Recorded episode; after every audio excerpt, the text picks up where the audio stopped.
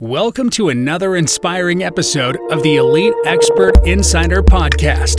Hosts Melanie Johnson and Jen Foster are the owners of Elite Online Publishing. They're both Wall Street Journal, USA Today best-selling authors. We're really glad you're here because this podcast was designed for you. Meet industry experts that share their secrets and strategies. Get successful results for your business in money, relationships, health, and your life. Each episode is going to inspire you to take action towards reaching your greatness. Hi, everyone. It's Melanie Johnson. How the heck are you doing today? I'm Good. doing great. Good.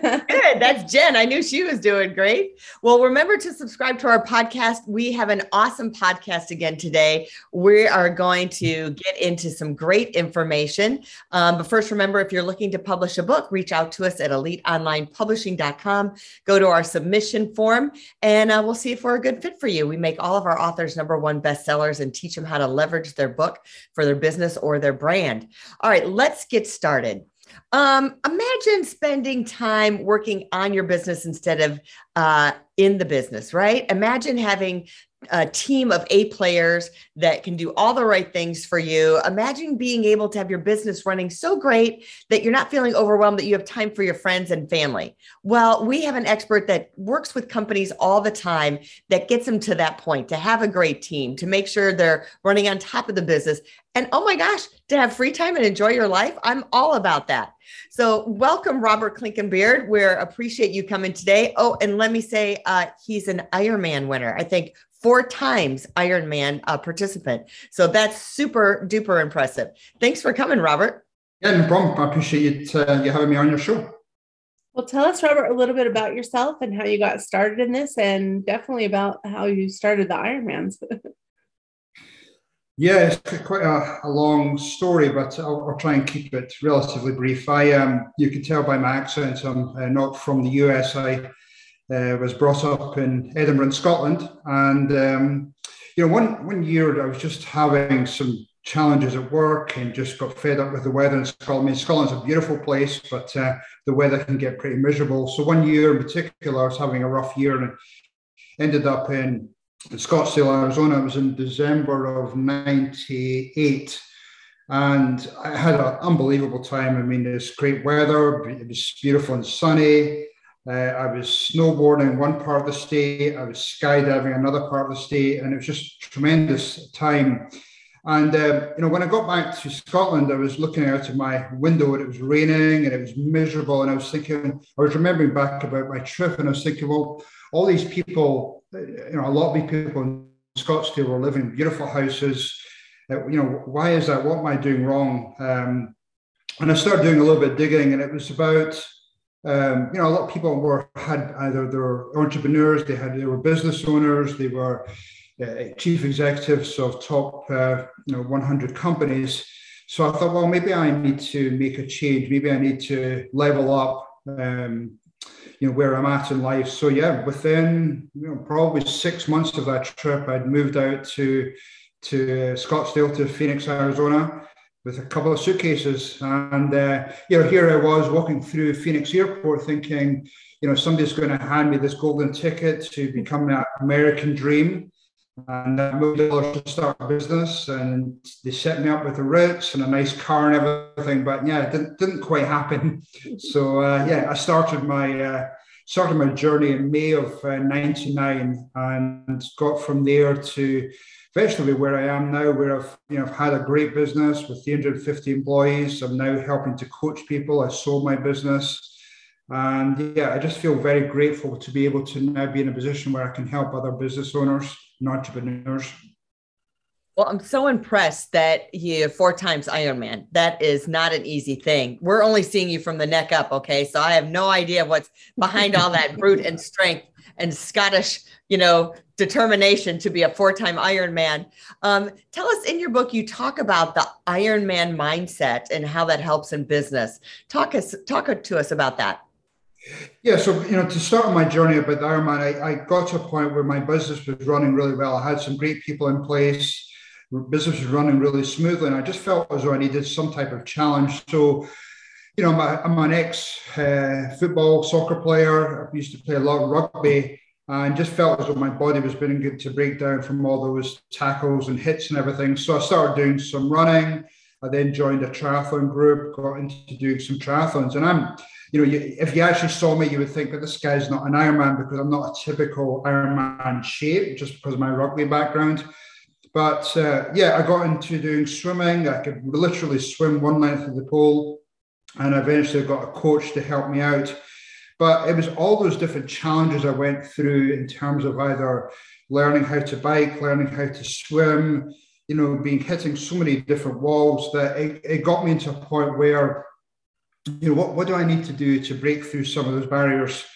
You know, going back to the whole business question, I mean, we, every day, single day, there's some type of challenge in business, you know, whether it's an employee issue, whether it's a lack of cash, whether it's just be you know uh, all the costs going up these days everybody talking about the increasing costs or maybe lack of materials so every day we're being hit by challenges and it's really just that grit that determination and really just focusing on some of the positive things. I'm a big believer in looking back on what you've achieved over the last 24 hours or over the last week over the last month or even now you know back into 2021 and look at some of those successes. I feel as though not many people look back and measure some of the successes in life and that's what i talk about and relate between ironman between the business side where yes i've now done four ironman which is great but you know what what some of the successes along the way what are the ways i can celebrate and and you know get some satisfaction from those to overcome some of those daily challenges that come into my life. I like that. You know, I think a lot of times, especially it's just kind of human nature to just feel like you didn't accomplish things or like, oh, I didn't really get everything done I wanted to get done today. Or, you know, just kind of putting that, putting yourself down instead of actually measuring and saying, what did I accomplish today? And rewarding yourself for those accomplishments, or even just acknowledging and saying, I wanted this or I wanted that. And, you know, the little things that you did. And whether it's the day or the week or the month, I think I fail for sure on remembering the things that I did accomplish because I'm always looking at, oh, I wish I would have done that. I didn't get that done, you know, that kind of a thing. So changes yeah, your you're, mindset. You're almost, beating your, you're almost beating yourself up by some of the things the, uh, the see people or uh, other businesses doing around you, and almost some in some ways discourages you. But if you actually measure back and look at some of the wins you've achieved, then it'll get you through some of those challenges. Mm-hmm. How do you create accountability? You know, you talk about that, and it, it really is hard to keep yourself accountable. I mean, I've let myself down. You know, today I wanted to get up at at 6 a.m. and the, all of a sudden I fell back asleep and it was 7:30. And I'm like, ah! so I feel like I let myself down, but I don't have anyone to be accountable to. So how do you create accountability um, for your clients? Because that you say it's a big key component. Yeah, yeah, I mean, certainly with uh, you know with my training and with my races, I mean, being part of a group and helping them encourage you out of bed in the morning. If, there, are, if there's a group of you meeting in the morning, then more likely you're going to get up and join that group. And maybe you're going to run a little bit further than you normally do by yourself. But in business, you know, I like to, you know, have meetings with my clients, and I like to give them what some of your um, your action items over the next uh, 30 days. Get them to to write them down, get them to put some deadlines in place, get them. To, it doesn't necessarily. They don't necessarily have to be the people that executes on them, but if there's some type of name against that task, then more likely they're going to get that done. Then I'll do sort of check-in calls with them every, every in between every time I meet them or on a call with them. So that accountability and just keeping that pressure, you know, that gentle pressure on them, I, I see some huge results. You know, when I compare the clients that I meet or, or, call every couple of weeks compared to the ones I meet every quarter, I mean, the difference is, is startling. When you get that accountability, you also get uh, confidence along the way because you feel like you've accomplished and you've stayed on task. You haven't let yourself or other people down with that. What about um, how do you create a vision? Yeah, I mean, I, I, vision is, you know, it's definitely been challenging over the last couple of years because a lot of people were really big into five, 10, 15 years out. But we've had so many challenges with, you know, with COVID, with, you know, the labor market and everything. So, you know, I'm trying to encourage a lot of my clients to just maybe look at one year maybe three years out and then start to work back and do that 90 day plan. So, what, what is, you know, yes, it's nice to have a BHAG. Where are you going to be in 15 years? Is going to be some type of an exit? Is it good? That exit could be just the business is running independent of you.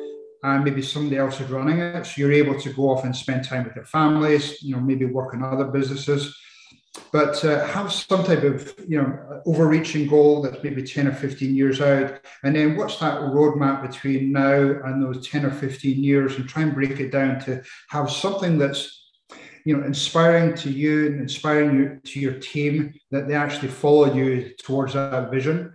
I think I get I hear a lot of complaints about you know millennials that they're not hardworking, they're not um, you know, they don't necessarily have the same work ethic, but I said, well, what's your vision look like? How are you inspiring those people?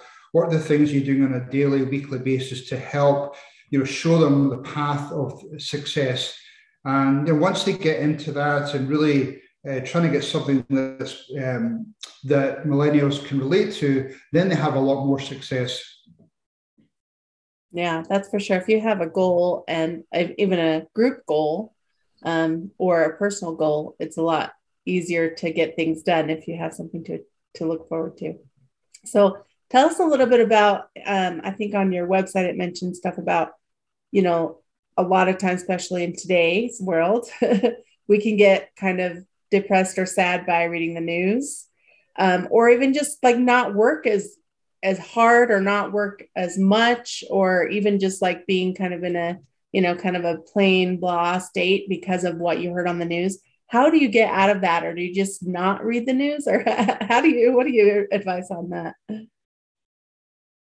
Yeah, I mean, I, I, uh, I definitely encourage people to be aware of current affairs, but I don't necessarily, I try and encourage to people to you know, enjoy things like books, like podcasts, you know, things that are positive in your life uh, you know, go and work out, release some of that tension from you, and, and figure out ways on how you can try and improve your life. I mean, you know, I, I, a lot of my clients now, I'm encouraging to use a lot more of, um, you know, fractional solutions, you know, like virtual assistants or other solutions around the world now.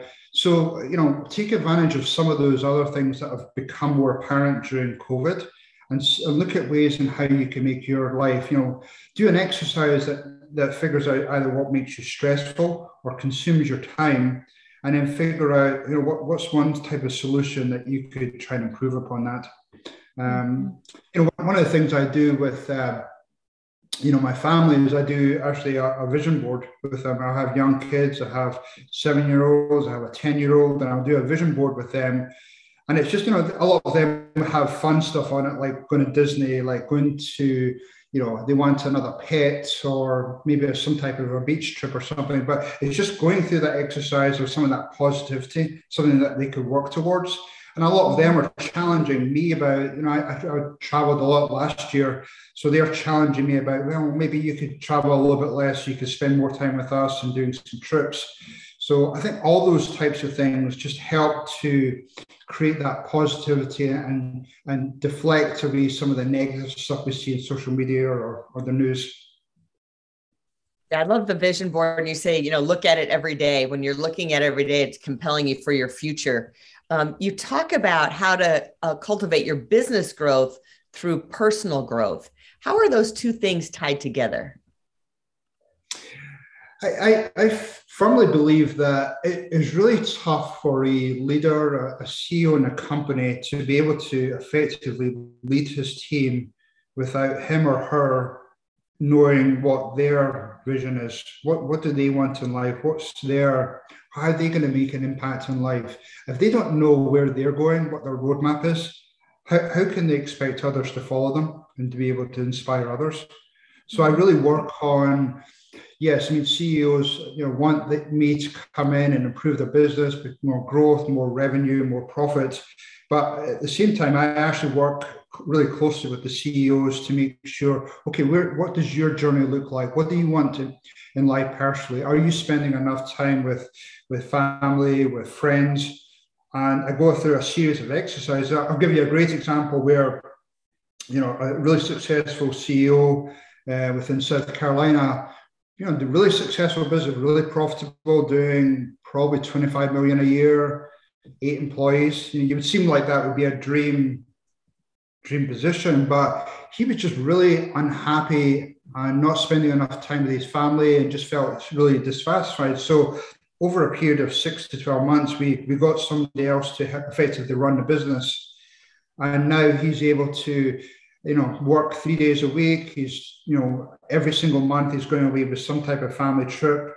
Um, and he's just a lot happier person because we went through that that personal journey, those personal exercises. So I think it's really important that whoever's leading the company has some type of, uh, you know, find out their purpose in life. Mm-hmm.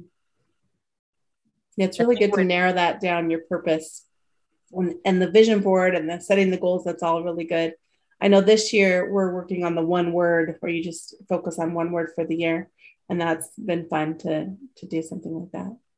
Yeah, and I think when someone, you know, when the leader of the company is a, in a good place personally, they're feeling confident, they're feeling secure, then that transcends to the whole business um, mm-hmm. that you can have that. Are there any other? I mean, you've got the vision. Is there any ways, other tricks that you tell someone to have personal growth or to keep going forward with that? I mean, I love that you did Ironman. Is it exercise? Is it doing personal development? Is what are some of the other things that you guide them to do? Yeah, I mean, every day, I mean, one of the things I do personally is I, I have my my planner, and every day I'm setting, you know, three goals all around. Um, you know, my my health, you know, my fitness, around my wealth, how to improve that, and my relationships. And every day, single day, I'm focusing on trying to achieve those things. So, in, and including that, you know, I, I have a personal goal. Part of my wealth side is to spend 20, 30 minutes on personal development. And that could be reading a chapter, or it might be taking a course, it might be even a, a YouTube speaker. Um, or podcast, but some type of way just to again sharpen the saw, just to improve yourself uh, personally. But every single day, I, I, religiously look at my goals for the day and have a checklist of some of the things I'm, I'm you know wanted to achieve, and then I'll, I'll, look back at the end of the day. And you know, I'm I'm usually pretty happy if I achieve 80 plus percent of those things. But uh, it really it, it's really easy to get caught up in minutia in in your inbox and all this other noise going around you. Whereas if you have something in front of you, just that that planner to keep you focused, then more likely you're going to achieve more. Yes, I like that. That's definitely true. You mentioned podcast. Now you have your own podcast. What's the title of your podcast?